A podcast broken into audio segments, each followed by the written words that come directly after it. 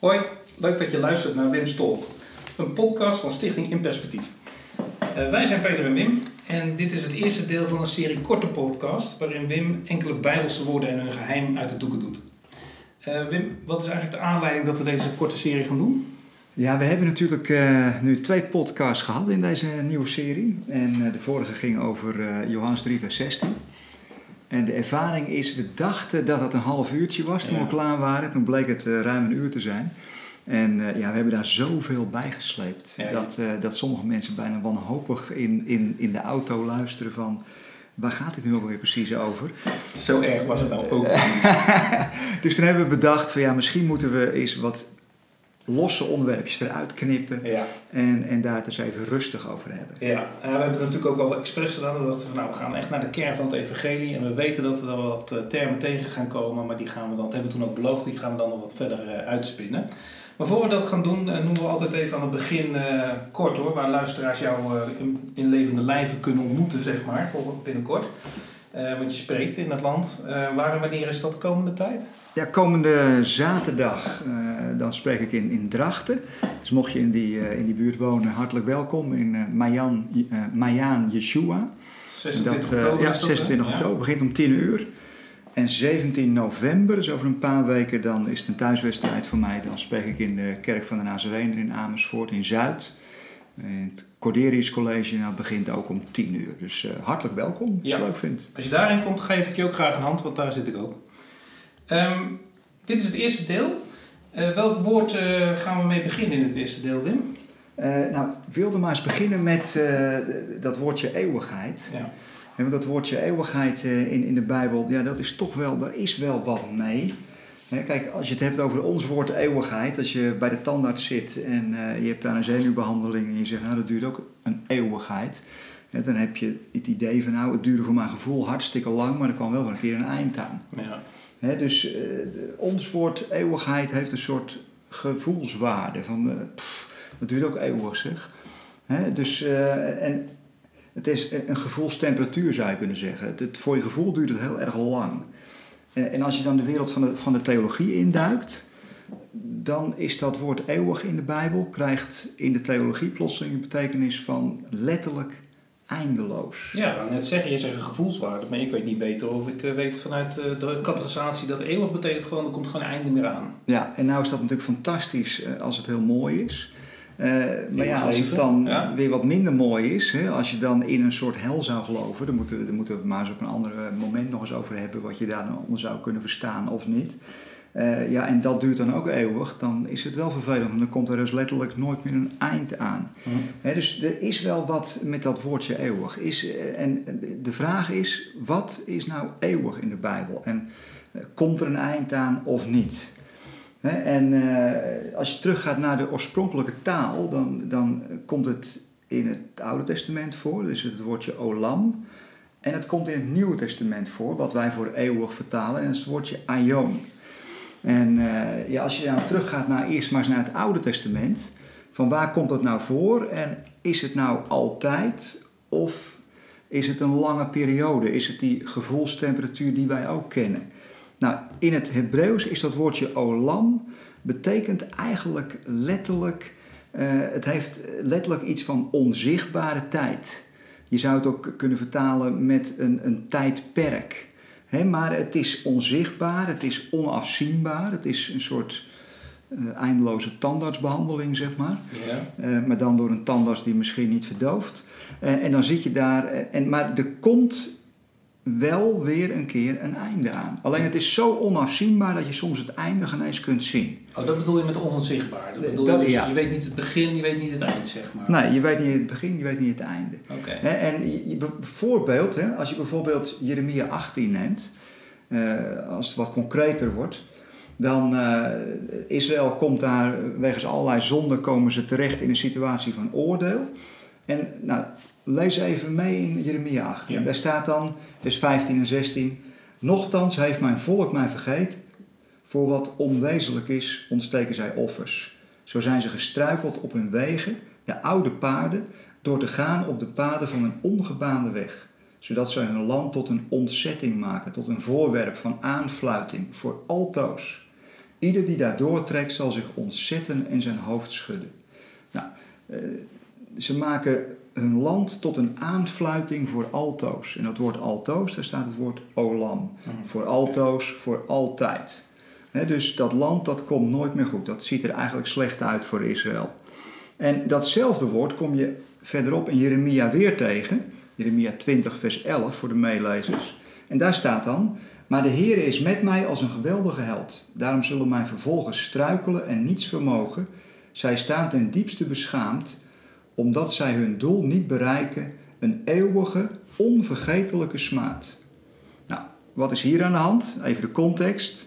Uh, de tegenstanders uh, van Jeremia, die zijn hier in dit geval de inwoners van Juda. Dus de inwoners van Juda, die treffen een eeuwige, onvergetelijke smaad. Nou, nog maar eentje. En dan gaan we eens kijken van, ja, kan hier nog een keer iets aan veranderen of niet? Het is tenslotte Olam, het is eeuwig. En dan een laatste tekst uit Jeremia, ook weer zo'n opwekkende tekst. Uh, Jeremia 23, vers 39 en 40. Daarom zie, ik hef u zeker op en werp u weg met de stad die ik u en uw vaderen gaf.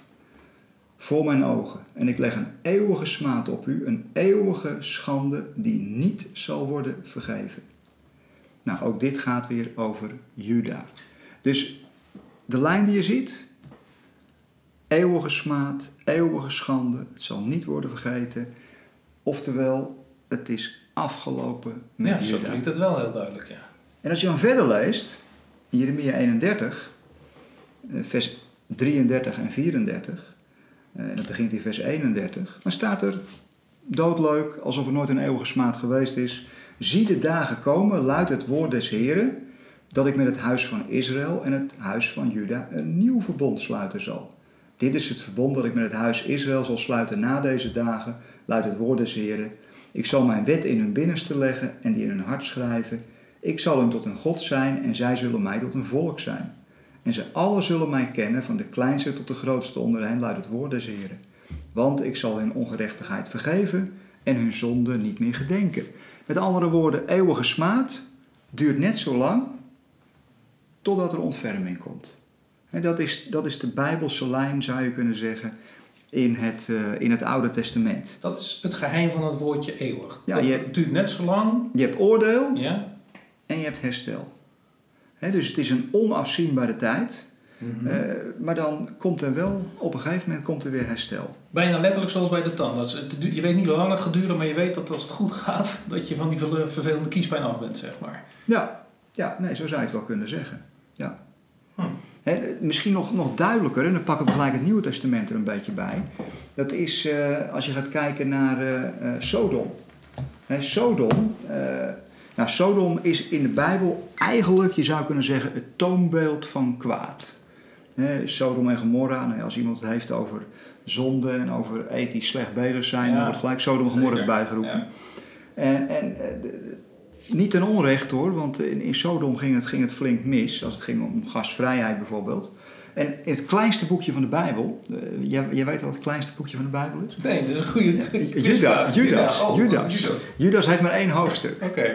En uh, ja, Judas, een van, de, een van de broers van Jezus trouwens was dat. Dus dat is wel, wel grappig. En Judas die schrijft een heel klein boekje in de Bijbel. En dat gaat onder andere over Sodom. En dan schrijft hij over Sodom, Judas 7, oftewel vers 7 van het enige hoofdstuk. En dan staat er over Sodom.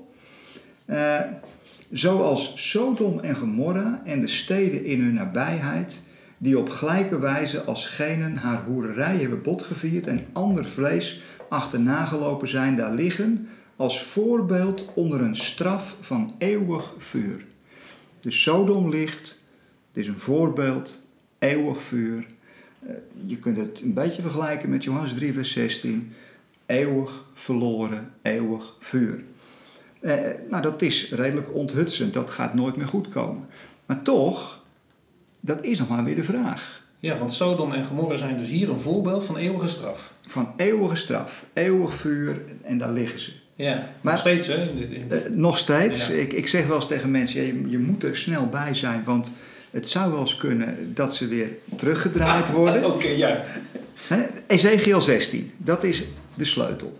Men zegt wel eens, die, die, die profeten van Israël, je moet een hard hoofd hebben, want ze zijn keihard. Maar als je doorleest, komt er altijd weer ontferming. Eeuwige smaad, eeuwig vuur, en dan komt er weer ontferming. Maar geldt dat dan ook voor Sodom? Nou, als je Ezekiel 16 erbij pakt en, en je leest daar, uh, Ezekiel 16 is een onthutsend hoofdstuk. Ik pak de Bijbel er even bij. Uh, ik zoek even Ezekiel 16 op. Uh, Ezekiel 16 uh, gaat niet lezen s ochtends als je denkt van nou, ik ga meditatief Bijbel lezen of zoiets dergelijks. Want het is, een, het is eigenlijk een vreselijk hoofdstuk. Het gaat over Jeruzalem. En God, God gaat daar Jeruzalem aanspreken op ja, hoe fout het is gelopen met Jeruzalem. Jeruzalem door God uitgekozen, zijn oogappel. En, eh, en dan op een gegeven moment gaan ze andere, andere goden achterna lopen. Ze gaan hoereren met andere goden. En uh, ja, van dik hout zaagt men planken.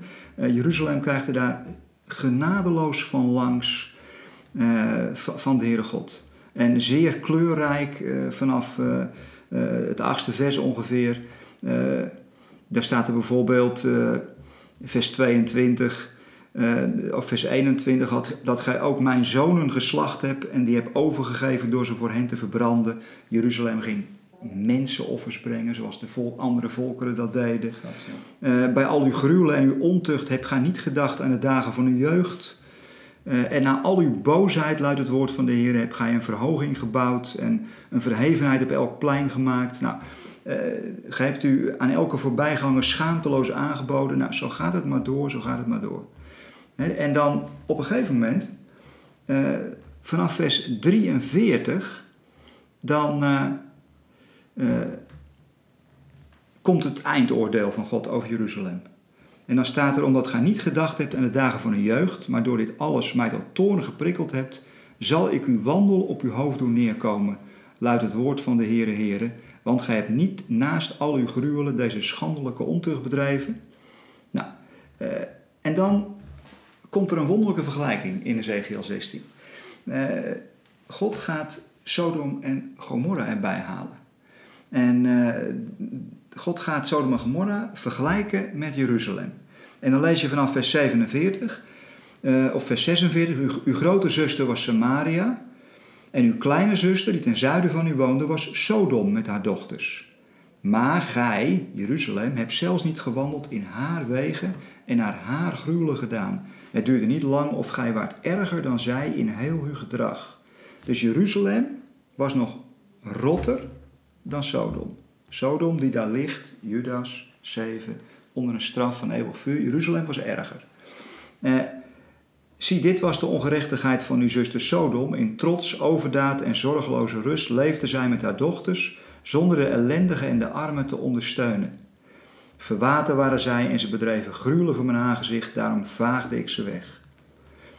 Eh, en dan in vers 51 komt er een soort omkering. Zo hebt gij uw zuster onschuldig doen schijnen door al de gruwelen die gij bedreven hebt. Dus Jeruzalem is veel erger. Daarom lijkt Sodom wel onschuldig bijna. Maar ja, Sodom ligt daar wel onder eeuwig vuur. Dan gaat het verder in vers 52 en 53. En ja, dan komt er iets onthutsend. Dat klopt niet in de theorie. Eh, draag dan uw schande, gij die het oordeel over uw zusters gunstiger hebt doen worden door uw zonde, waarin gij gruwelijker hebt gehandeld dan zij, zijn zij minder schuldig dan gij. Schaam u dan en draag uw schande, omdat gij uw zusters onschuldig hebt doen schijnen. En ik zal een keer brengen in haar lot. Het lot van Sodom en haar dochters, het lot van Samaria en haar dochters. En tevens zal ik een keer brengen in uw lot. Hey, gaat dit over een periode die dan nog moet komen? Ja, dit is uh, nog. Ze zijn niet omgekeerd. Oké. Ze liggen nog steeds daar uh, onder, uh, onder die dode zee. dus dit, dit is een profetie. Het is een profetie die nog niet is uitgekomen. Ja. Uh, maar hier zie je eigenlijk hetzelfde beeld weer. Hè? Je hebt oordeel, je hebt eeuwig vuur, eeuwige smaad, totdat er ontferming komt. En totdat er een keer komt in het lot. En totdat de zaak weer wordt rechtgezet. Oké, dus het is altijd een totdat. Er is altijd een totdat. Hey, en uh, wij zouden deze podcast een beetje kort houden, maar nou zit ik toch wel met een brandende vraag. Want als het een totdat is, dan is het heel fijn als het over iets heel vervelends gaat. De tandarts, eeuwige straf, om het maar even te vergelijken, die twee. Maar, en niet zo leuk als het over eeuwig leven gaat. Want dan is het dus ook een totdat bij eeuwig leven. Ja en nee, denk ik. Kijk, uh,